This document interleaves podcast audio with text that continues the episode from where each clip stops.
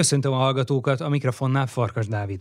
Az Inforádió heti külpolitikai összefoglalóját hallják, a szerkesztő Illis László. Most először arról lesz szó, hogy két erős új tagállammal bővülhet a NATO, Finnország és Svédország csatlakozásával. A Védelmi Szövetség északi szárnya ezzel jelentősen megerősödne. További információk Kalapos Mihálytól. A Nemzeti Közszolgálati Egyetem Stratégiai Védelmi Kutatóintézetének legújabb elemzése a finn és a svéd NATO tagság lehetséges következményeit veszi sorra. Az orosz-ukrán háború és a NATO tagságról kiújuló vita néhány hét alatt drasztikusan átalakította a finn és a svéd közvélemény attitűdjét az ország NATO csatlakozásának szükségességéről. A május elejé felmérés szerint Finnországban a csatlakozás támogatók aránya 73%-ra nőtt. Svédország esetében 2022 áprilisától kerültek 50% fölötti abszolút többségbe a NATO csatlakozás támogatói.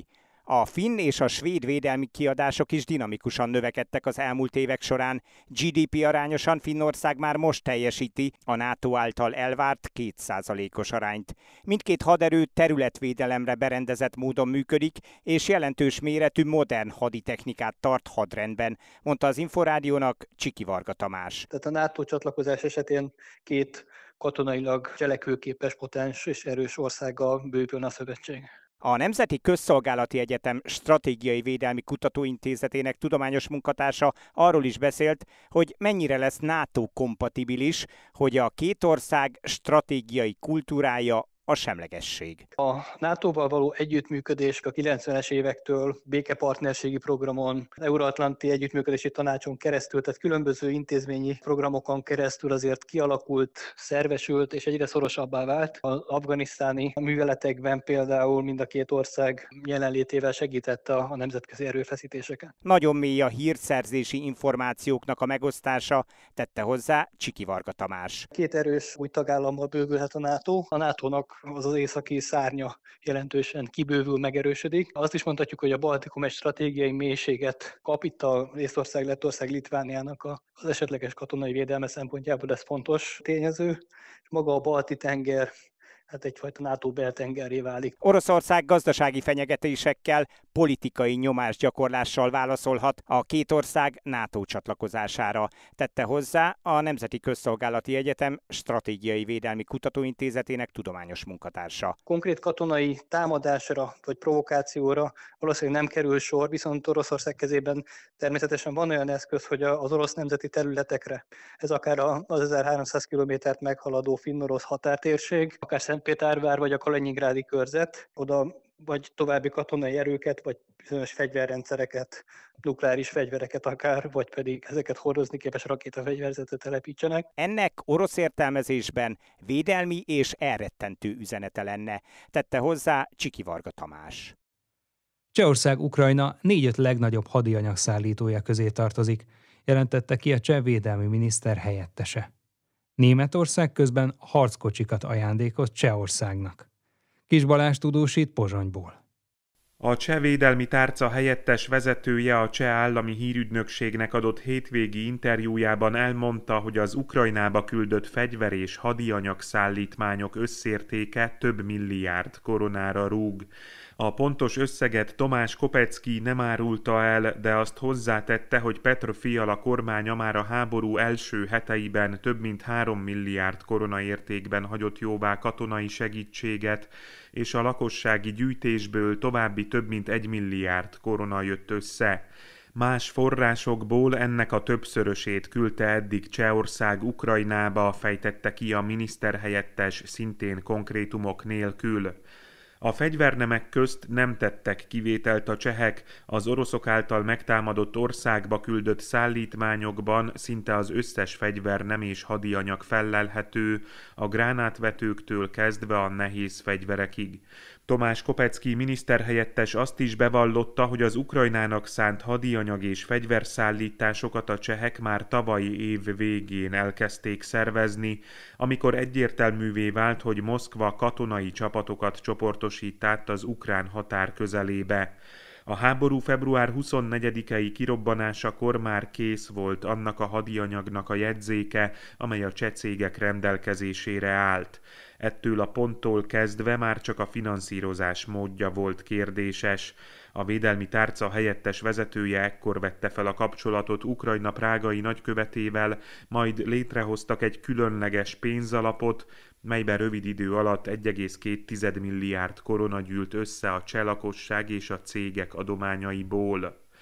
Tomás Kopecki a hírügynökségi interjúban leszögezte, hogy az Ukrajnának eddig küldött hadianyag és fegyverszállítások pontos értékét a minisztérium nem kívánja nyilvánosságra hozni, de azt mondta, nagyon méltányos összegről van szó.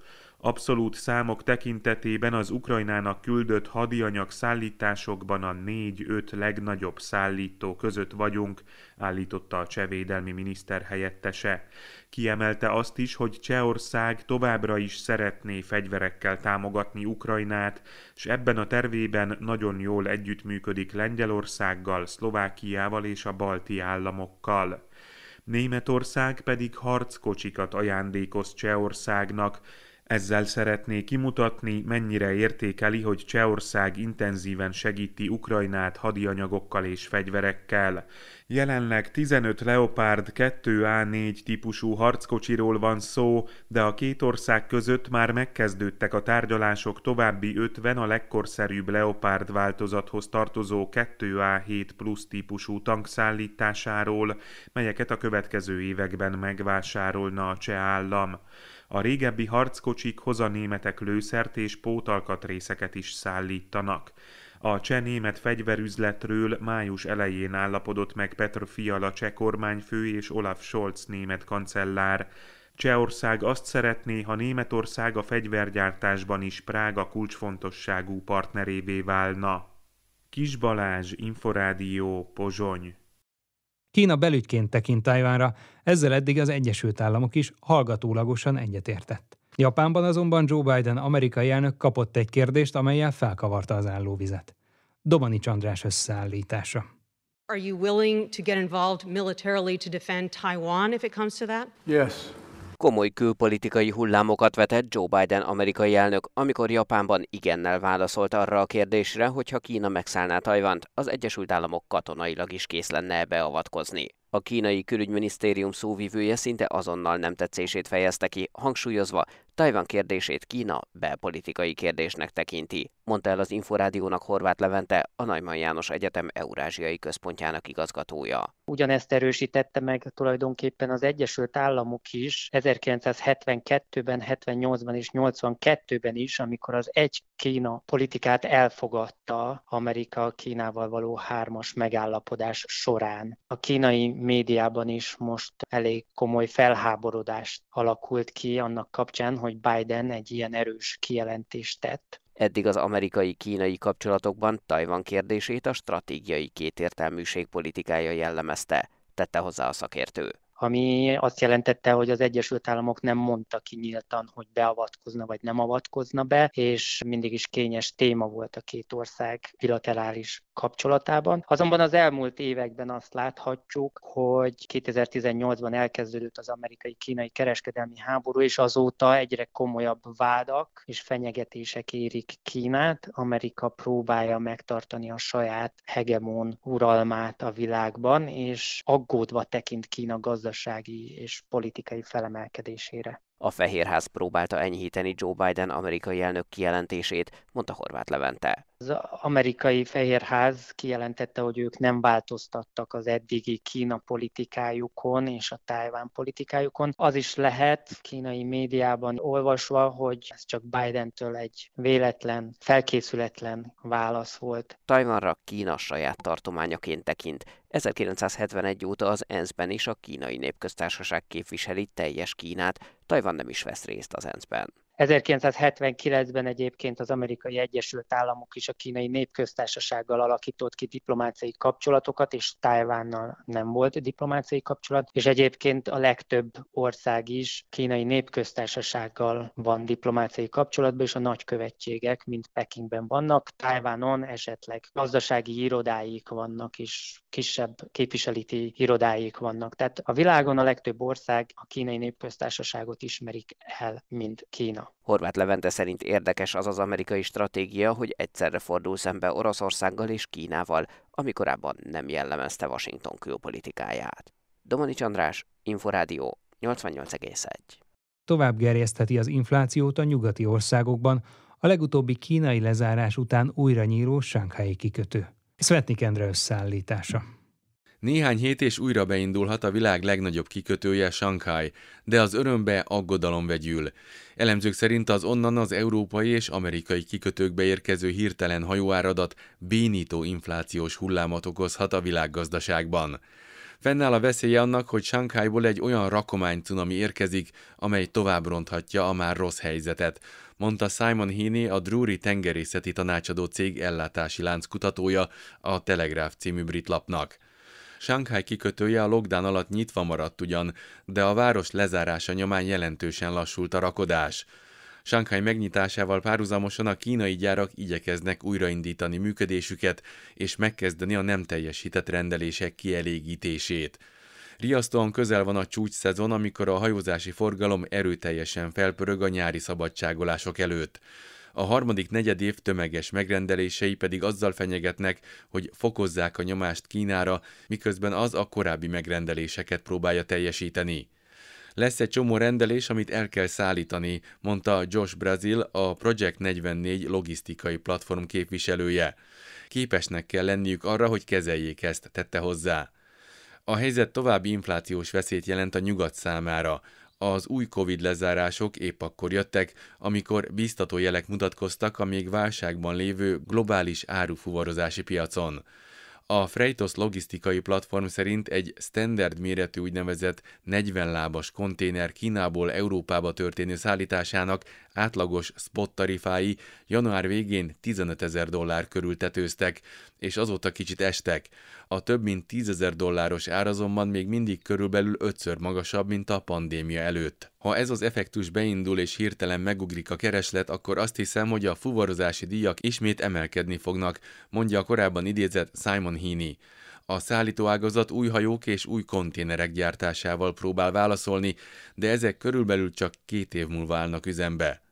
Ugyanaz Ukrajna elleni orosz invázió nyomán a cégek gyorsan leállították oroszországi műveleteik egy részét, és ez némi kapacitást szabadított fel, de a szankciók miatt az árukat érkezéskor több ellenőrzésnek vetik alá. Ez különösen Rotterdamban, Európa legnagyobb kikötőjében okoz fennakadásokat. A pandémia után először felpörgött forgalom hatalmas nyomás alá helyezte a kikötőket, amelyek egy ideig nem tudták fogadni a sok árut. A nyomás azóta csökkent, és ha Shanghai nyitásakor kevesebb lesz a felgyülemlett kereslet, mint korábban, akkor a világgazdaság ezt kevesebb fájdalommal tudja majd megúszni. Svetnik Endre, Inforádió, London. EP Percek. Hírek, interjúk, háttérinformációk az Európai Parlament legfontosabb döntéseiről, vitáiról és azok hatásáról.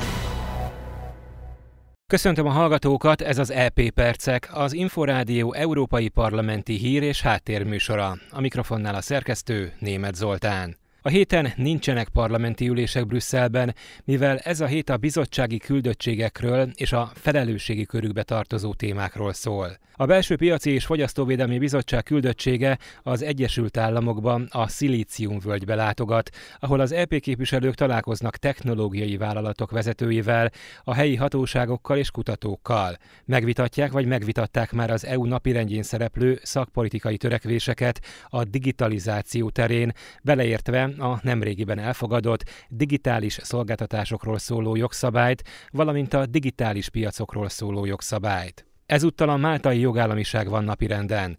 Az Állampolgári Jogi Bizottság küldöttsége a hét első három napján a Szigetországban tekintette át a legfrissebb fejleményeket a jogállamiság helyzetével, a közelmúltbeli igazságügyi reformokkal, az újságírók biztonságával, a korrupció ellenes intézkedésekkel, illetve a befektetési programokon keresztüli állampolgársággal és tartózkodással összefüggésben. A Költségvetési Bizottság küldöttsége Törökországba utazott, hogy információkat gyűjtsön a menekültügyi költségvetésből származó uniós források elköltéséről. A képviselők az ankarai régióban és a szíriai határhoz közeli egyik településen meglátogatták a menekültek létesítményeit, valamint találkoztak a kormány tagjaival és az alapok kedvezményezetjeivel. Előzetes politikai egyességre jutottak az Európai Parlament tárgyalói az európai gáztárolók kötelező feltöltéséről és a tulajdonosi igazolások rendszeréről. A rövidesen hatályba lépő új szabályok segíthetik azt, hogy Európa a következő fűtési szezonban elkerülje a gázválságot. Weinhard Attillát a portfólió elemzőjét hallják. Az alkunak a lényege az az, összhangban az Európai Bizottság márciusi javaslatával, hogy idén októberre meg kell célozni a legalább 80%-os feltöltési arányt az európai gáztárolói kapacitások arányában. Itt végül az alkú 85%-os célt rögzített, és jövő októberre, a következő fűtési szezon kezdetére pedig ezt a 90%-os arányig kell feltölteni. Egyébként Magyarország is ennek a módosításnak, illetve finomhangolásnak az egyik szószólója volt, éppen amiatt, mert kiemelkedően magas a magyarországi föld alatti gáztárolók együttes az itthoni éves gázfogyasztáshoz képest.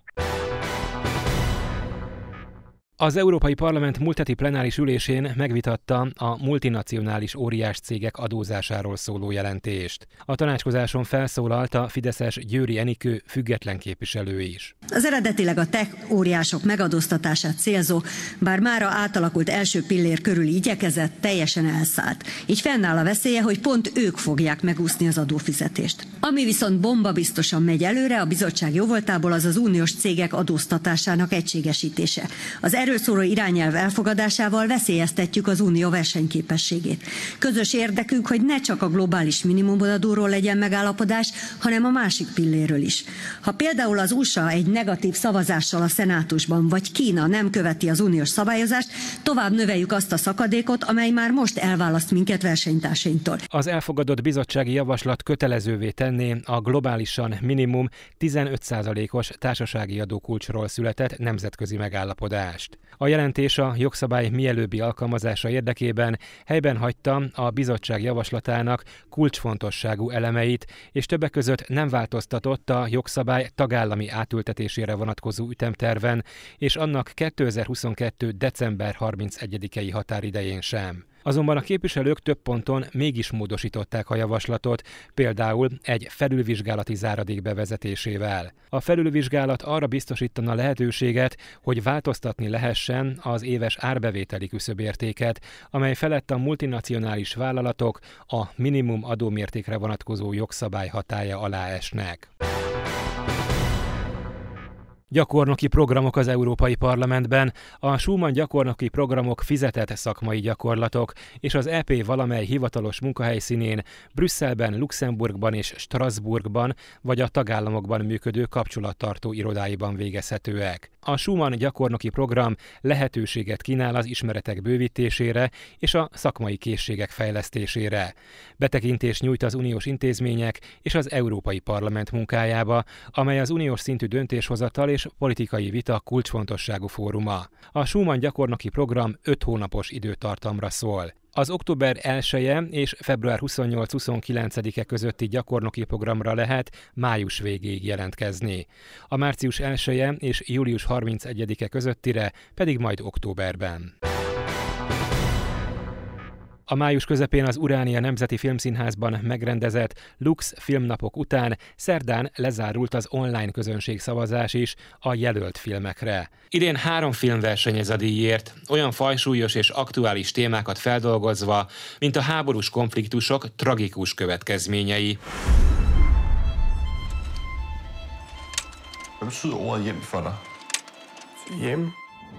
A homoszexualitás üldözése a 20. században. Wie viel haben denn dir gegeben? Zwölf Monate. Dir? Mehr. Valamint az Európán kívülről élhetetlenné vált vidékekről érkező menekültek traumái.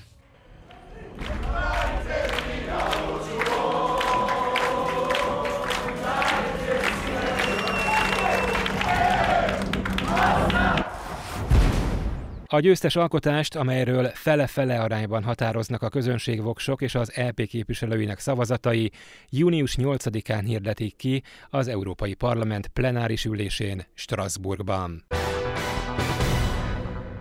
Ez volt az LP Percek, műsorunk meghallgatható és letölthető a szolgáltatók podcast csatornáin, valamint az infostart.hu internetes portál podcastok felületéről. Az EP Perceket hallották. Az elmúlt tíz évben távolabb került Bosznia-Hercegovina az uniós csatlakozástól, de nem az ország hibája miatt. Mondta egy a témában rendezett konferencia után Márkusz László, a Külügyi és Külgazdasági Intézet vezető kutatója. Szerinte az ország etnikai összetételéhez igazított területi felosztása és alkotmányos berendezkedése önmagában nem lenne gátja a fejlődésnek. Orga Mónika kérdezte Márkusz Lászlót. Bosznia-Hercegovinát, amely korábban azért egy unitárius tagállam volt Jugoszlávián belül, illetve még az ottomán, az oszmán birodalom idején is egy olyan vilajet volt, amelyet nem osztottak fel etnikai alapon. A Daytoni békeszerződésben 95-ben felosztottak két olyan entitásra, amely akkor 95-ben nagyjából az etnikai határokat eh, mutatta. Míg az egyik entitás, amit úgy nevezünk, hogy Republika Srpska, vagy magyarosabban Boszniai Szerb Köztársaság, 95-ben ott valóban a lakosságnak a döntő része a szerb etnikumú volt, viszont a másik entitás, amit úgy neveztek hivatalosan, hogy Bosznia-Hercegovina Föderáció, az még mindig két etnikumot elég vegyes megosztásban foglalt magába. Ott létre kellett hozni még tíz kantont, és hogy még bonyolultabb legyen a történet, volt egy város, amelynek stratégiai jelentősége volt, ez fönt van a Száva partján, úgy hívják, hogy Bricskó. Ennek a státuszát, hogy pontosan hova is tartozik, éveken keresztül lebegtették, majd egy nemzetközi választott bírósági folyamatban ebből csináltak egy különleges körzetet, tehát Bricskó városa nem tartozik sem a Republika Srpska, sem a Bosznia-Hercegovina Föderáció entitáshoz. Szerintem ebből már látszik, hogy ez egy közigazgatási rémálom, és azt hiszem, hogy nem túloztam ezzel a kifejezéssel, mert hogy nem nagyon működik egy ilyen bonyolult eh, közigazgatás. Tehát a területi egységeknek saját államigazgatása, saját önálló vezetése van? Különböző szinteken különböző szintű autonómia van. Tehát ennek a két entitásnak, amelyet említettem, saját kormánya van miniszterelnökkel, és bár csökkentették a hatáskörüket az elmúlt 20-25 évben, de még mindig például, hogy egyet említsek, a rendőrség az, az entitások szintjén található. Mind a tíz kantonnak saját egészségbiztosítási rendszere van, miközben ezeknek a kantonoknak a lakossága hát nem nagyobb, mint egy magyarországi megyé, sőt. Milyen jövője van így Bosznia-Hercegovinának? Hogyan tud így felzárkózni? Bár sokak számára nyilvánvalóan a megoldás az lenne, hogy igen, akkor racionalizáljuk az állami szintet, de azok, akik az entitás, vagy akár a kantonok szintjén ülnek a politikai hatalomban, ez egy teljesen természetes reakció, ellentartanak, és azt mondják, hogy 1995-ben aláírtunk egy békeszerződést, az tükrözött egyfajta egyensúlyt, és igenis 25 vagy 27 évvel később is szeretnénk megtartani ezt az egyensúlyt. Azt ne felejtsük el, hogy nem Bosznia-Hercegovina az egyetlen decentralizált ország Európában. Tehát, hogyha mondjuk csak vesszük azt az országot, amely az Európai Unió központi intézményeinek otthont ad, ezért Belgiumban is egy viszonylag komplikált alkotmányos rendszert működtetnek. A rendszer önmagában szerintem nem blokkol fejlődést, csak akkor, hogyha ezt a rendszert valaki blokkolásra akarja használni. Én úgy gondolom, hogy az ország szétesését sem a NATO, sem az Európai Unió nem szeretné látni. Ez egy politikai presztis kérdés is, illetve nincs igazából jó alternatívája annak, hogy egy ilyen Bosznia-Hercegovina létezzen. Tehát, hogyha Bosznia-Hercegovinában utat adunk az etnikai felosztásnak, akkor ez nyilvánvalóan precedenst ad más országokban is, ezt pedig senki nem akarja. És nyilvánvalóan abban reménykednek legtöbben, hogy a gazdasági fejlődése ennek az országnak eljut egy olyan szintre, ami valamennyire feloldja már ezeket a belső etnikai feszültségeket. Talán konkrétabban lehet olyanra válaszolni, hogy most az Európai Uniós tagsága az hogy fest Bosznia-Hercegovinának. Én úgy gondolom, hogy most például előállt egy olyan politikai helyzet, amikor ez a relatív hátrány, amit Bosznia-Hercegovina miatt a komplikált rendszer miatt elszenvedett, ez most valahogy kiegyenlítődik. Mert én úgy gondolom, hogy egy, én legalábbis egyre több olyan hangot hallok, amely arról szól, hogy igenis, ha folytatjuk a bővítést a Nyugat-Balkánon, akkor mindegyik országot fel kell venni. Én hosszabb távon optimista vagyok, de most az biztos, hogy